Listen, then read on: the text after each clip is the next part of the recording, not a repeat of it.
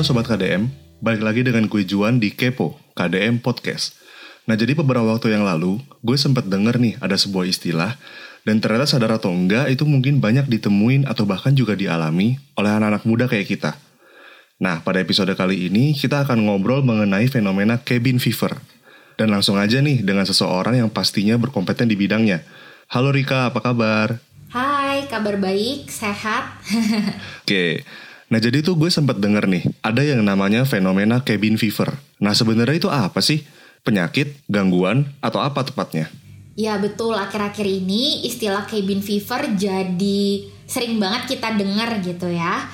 Kalau dibilang gangguan, itu cabin fever tidak atau belum gitu ya termasuk ke dalam gangguan psikologis. Tapi kalau dibilang masalah, yes, cabin fever itu udah jadi masalah psikologis yang akhirnya sering menimpa atau dirasakan oleh orang-orang khususnya selama pandemi ini Juan. Oke, jadi sebenarnya nih ada gak sih kriteria orang spesifik gitu yang rentan terkena oleh si cabin fever ini atau semua orang randomly bisa aja kena soalnya kan tadi kayak uh, lebih banyak tuh pada saat pandemi ini ya kenanya. Mm -mm, mm -mm uh, siapa aja sih yang bisa kena? Sebenarnya siapa pun bisa, tapi memang ada ciri-ciri khusus di mana beberapa orang ini lebih rentan terkena dibandingkan yang lain, yaitu khususnya yang lebih banyak terisolasi di rumah karena cabin fever itu masalah yang muncul karena kita terlalu banyak uh, berada di satu tempat yang tertutup gitu. Jadi kalau kita punya pergerakan yang lebih minim, kita lebih terkungkung, merasa terisolasi, kita minim melakukan interaksi sosial. Nah, orang-orang yang punya kondisi ini yang sebenarnya lebih rentan gitu. Oke, berarti lebih ke arah kayak dia tuh terisolat gitu ya. Iya, betul. Oke. Nah, kalau misalnya nih seseorang itu mengalami si cabin fever ini, biasanya tuh gejalanya apa sih yang bisa terjadi? Dan satu lagi nih, orang itu tuh sadar gak ya kalau dia kena gitu? Atau biasanya ini uh, hanya dilihat itu orang lain yang ngelihat dia, dia kena cabin fever gitu? Oke, berarti ciri-cirinya gitu ya Juan ya? Mm-mm, betul betul. Kalau gejala biasanya tuh kita gampangnya tuh lihat dari tiga komponen. Pertama pikiran, perasaan, dan perilaku. Nah untuk cabin fever ini pertama pikiran itu kita punya negatif thoughts atau pikiran negatif akan diri sendiri, akan lingkungan, atau bahkan akan masa depan. Contoh jadinya, duh kayaknya gue gak berharga ya gitu, atau kayaknya gue gak punya siapa-siapa deh gitu. Jadi merasa kesepian tapi muncul juga tuh pikiran-pikiran negatifnya. Kedua, kalau dari segi emosi atau perasaan, uh, menjadi lebih mudah marah, lebih mudah tersinggung, merasa putus asa, kayaknya kondisi gue kok nggak membaik ya gitu, atau gue kok berada dalam kondisi yang sangat nggak oke, okay, sangat stressful gitu, atau bisa juga jadinya gelisah, uring-uringan gitu, kayaknya ngelakuin ini salah, itu salah gitu ya. Nah, terus yang ketiga komponennya adalah dari perilaku. Ini bisa jadi ada perubahan pola makan, bisa jadi lebih banyak atau bisa jadi hilang nafsu makan sama sekali.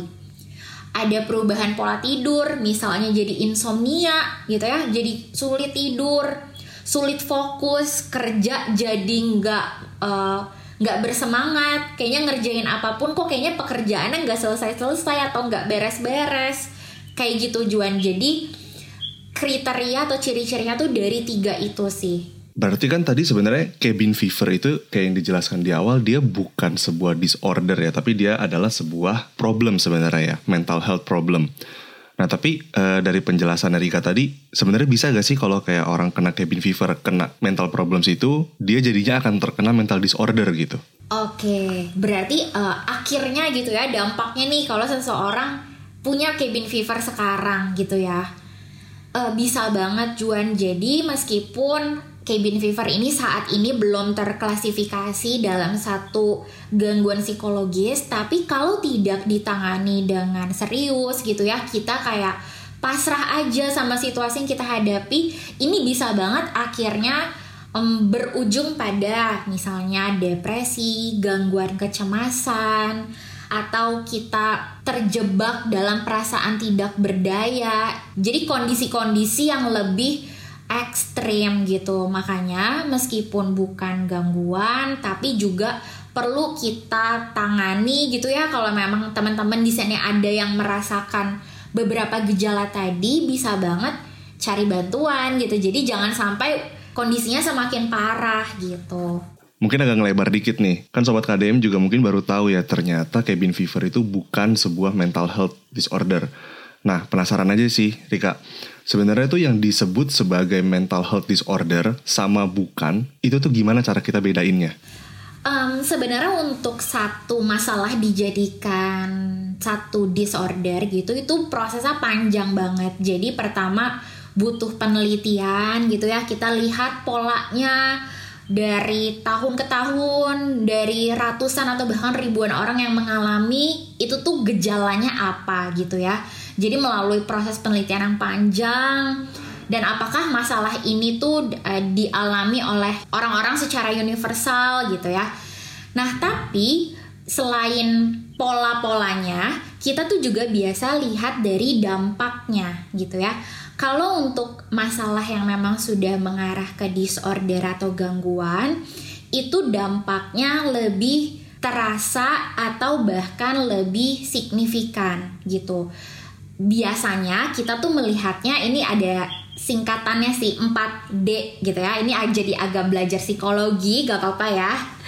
Nah, 4D ini tuh pertama eh, devian. Devian itu kan berbeda gitu ya menyimpang nah jadi memang ada perilaku-perilaku atau perasaan tuh yang menyimpang atau yang kedua adalah distress jadi masalah psikologis yang kita alami ini menimbulkan stres buat diri kita atau orang-orang di sekeliling kita devian distress yang ketiga adalah dangerous itu artinya masalah yang kita alami itu tuh bisa berbahaya bagi diri kita atau uh, orang lain gitu. Jadi bisa mengancam nyawa juga dan jika tidak tertangani yaitu dangerous bagi kesehatan diri kita. Nah, yang terakhir adalah dysfunction. Jadi, masalah psikologis yang kita alami itu akhirnya membuat adanya disfungsi perilaku atau aktivitas kita gitu. Jadi yang tadinya misalnya kita masih bisa kerja kita jadi nggak bisa kerja yang tadinya kita masih bisa sekolah kita jadi nggak sekolah atau misalnya buat yang sudah berkeluarga kita tuh jadi hilang tuh peran-peran kita sebagai suami atau sebagai istri jadi kalau sudah mengarah ke disorder biasanya 4D-nya itu tuh muncul dengan kuat kalau kita ngomongin kayak cabin fever lagi nih, untungnya cabin fever ini kan bukan sebuah disorder ya, bukan sampai disorder, tapi tetap aja nih, kalau kena kan nggak enak juga ya. Nah, kalau misalnya diri kita sendiri kena si cabin fever ini atau kita tahu nih ada teman-teman kita yang kena cabin fever, itu gimana ya cara kita untuk mencegah itu kita kena atau kita mengatasi kalau kita udah kena? Mungkin yang mencegah dulu ya kita.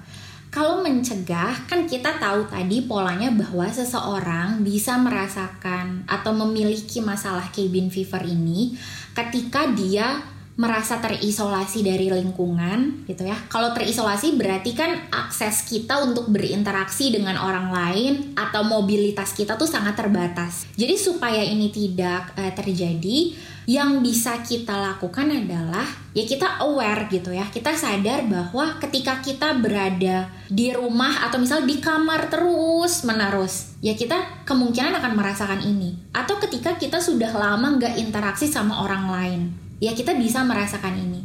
Jadi kalau kita tahu potensi ini akan muncul, coba deh tetap rutin interaksi sama orang lain gitu ya. Kita tetap jaga persahabatan kita. Kalau misalnya ini kan uh, kita di KDM juga ada banyak ya uh, persekutuan. Sobat KDM bisa banget nih tetap ikut persekutuan, datang ibadah online. Itu bisa membantu kita supaya tidak berada dalam uh, masalah cabin fever ini. Tapi kalau misalnya tadi gimana nih gue udah merasakan ini gitu ya karena gejala-gejalanya sudah dirasakan. Prinsipnya sama, karena cabin fever ini kita merasa terisolasi, interaksi kita terbatas, maka itu yang kita tingkatkan. Kalau tadinya interaksi kita hilang bersama lingkungan, yuk kita coba munculkan kembali gitu. Ada nggak sih orang-orang yang bisa kita approach gitu ya buat kita ajak ngobrol, kita diskusi, kita quality time gitu. Jadi social interactionnya kita munculkan lagi. Atau misalnya kalau mobilitas kita yang terbatas gitu, kita di kamar terus gitu ya, atau di rumah terus sebenarnya paham banget sih sekarang pandemi kan nggak bisa pergi-pergi. Tapi tetap ada loh strateginya. Misalnya kita keliling komplek aja tuh jalan. Itu kan tetap kita bisa tetap pakai masker kita nggak pergi ke kerumunan tapi kita bergerak atau kalau misalnya buat teman-teman yang suka makan gitu ya, bisa banget loh naik sepeda, naik motor, naik mobil, drive thru gitu. Kita beli makanan, kita kan ada keluar hirup udara segar gitu ya, tapi kita tetap jaga protokol itu. Sebenarnya secara umum seperti itu Juan. Oke, berarti kalau bisa disimpulkan sedikit nih ya, intinya itu sebenarnya semua tuh pilihan ya Rika ya. Kita tuh mau uh, keluar dari situ atau tetap ya udah kita terisolat sendiri. Iya, mm, mungkin ada beberapa orang yang memang lebih rentan sih Juan. Misalnya ada teman-teman di sini yang ngekos gitu ya. Kan dari segi luas uh, area tempat kita tinggal itu lebih kecil gitu ya dibandingkan teman-teman atau sobat KDM yang tinggalnya di rumah. Tapi ada juga yang kayak kalau di kos itu sendirian, sedangkan kalau di rumah kan masih ada keluarga yang bisa diajak ngobrol. Nah, gue paham banget sih gitu. Ini ada kondisi yang memang sulit kita atur. Jadi bukan berarti semuanya tuh pilihan, tapi ini tetap sesuatu yang bisa diusahakan gitu kali ya. Jadi misalnya kita ada di kondisi ini yang memang karena situasi terberi, tetap ada usaha yang bisa kita lakukan supaya kita merasa lebih baik gitu. Oke, terakhir nih, dari Rika sendiri, ada gak sih sisi menarik dari cabin fever yang perlu diketahui oleh Sobat KDM? Hmm, fakta menarik ya. Ada Juan, jadi sebenarnya gitu ya tadi kan di awal kita diskusi gitu ya bahwa cabin fever ini baru in gitu ya baru sering kita dengar waktu pandemi. Ternyata kalau kita lihat sejarahnya cabin fever ini juga sudah terjadi gitu ya sudah ada beberapa tahun silam gitu. Contohnya ini khususnya di negara barat sih memang waktu ini badai salju gitu. Ketika badai salju itu kan orang-orang di negara barat itu harus stay di rumah untuk beberapa waktu ya kan sebulan dua bulan karena mereka nggak mungkin untuk keluar menerjang badai salju itu gitu. Nah orang-orang di sana gitu dan ini udah terjadi lama itu mereka merasakan si cabin fever ini karena mereka terkungkung dalam satu rumah untuk periode waktu tertentu. Dan yang kedua, ini juga menarik ternyata presiden-presiden ini khususnya yang aku baca sih di Amerika mereka juga rentan dan pernah mengalami cabin fever. Kenapa? Karena kalau kita tahu presiden itu kan ada satu tempat tinggal tertentu gitu ya. Dan kalau kondisinya lagi nggak kondusif gitu mereka dilarang berpergian atau melakukan mobilitas dengan bebas gitu. Nah ternyata ini juga rentan dialami oleh tokoh-tokoh penting seperti itu. Jadi ya balik lagi karena mereka ada di satu kondisi, mereka nggak bisa keluar rumah atau satu tempat tinggal dengan bebas, dengan semaunya mereka gitu. Interaksi dengan beberapa orang juga bisa aja dibatasi sehingga orang-orang ini juga rentan dan pernah mengalami cabin fever. Jadi kalau dibilang baru sebenarnya enggak, tapi memang karena sekarang pandemi kan menimpa seluruh lapisan masyarakat di seluruh dunia gitu ya. Jadi ini semakin awam lagi nih kondisinya untuk dirasakan kita sebagai masyarakat gitu. Oke, okay, I see, I see. Cukup menarik juga sih membahas si cabin fever ini ya. Dari tadi yang ternyata itu cabin fever itu bukan sebuah istilah yang baru ternyata. Jadi itu udah cukup lama ya. Dan juga kita tuh sekarang tahu nih gimana caranya kita ngatasin si cabin fever itu.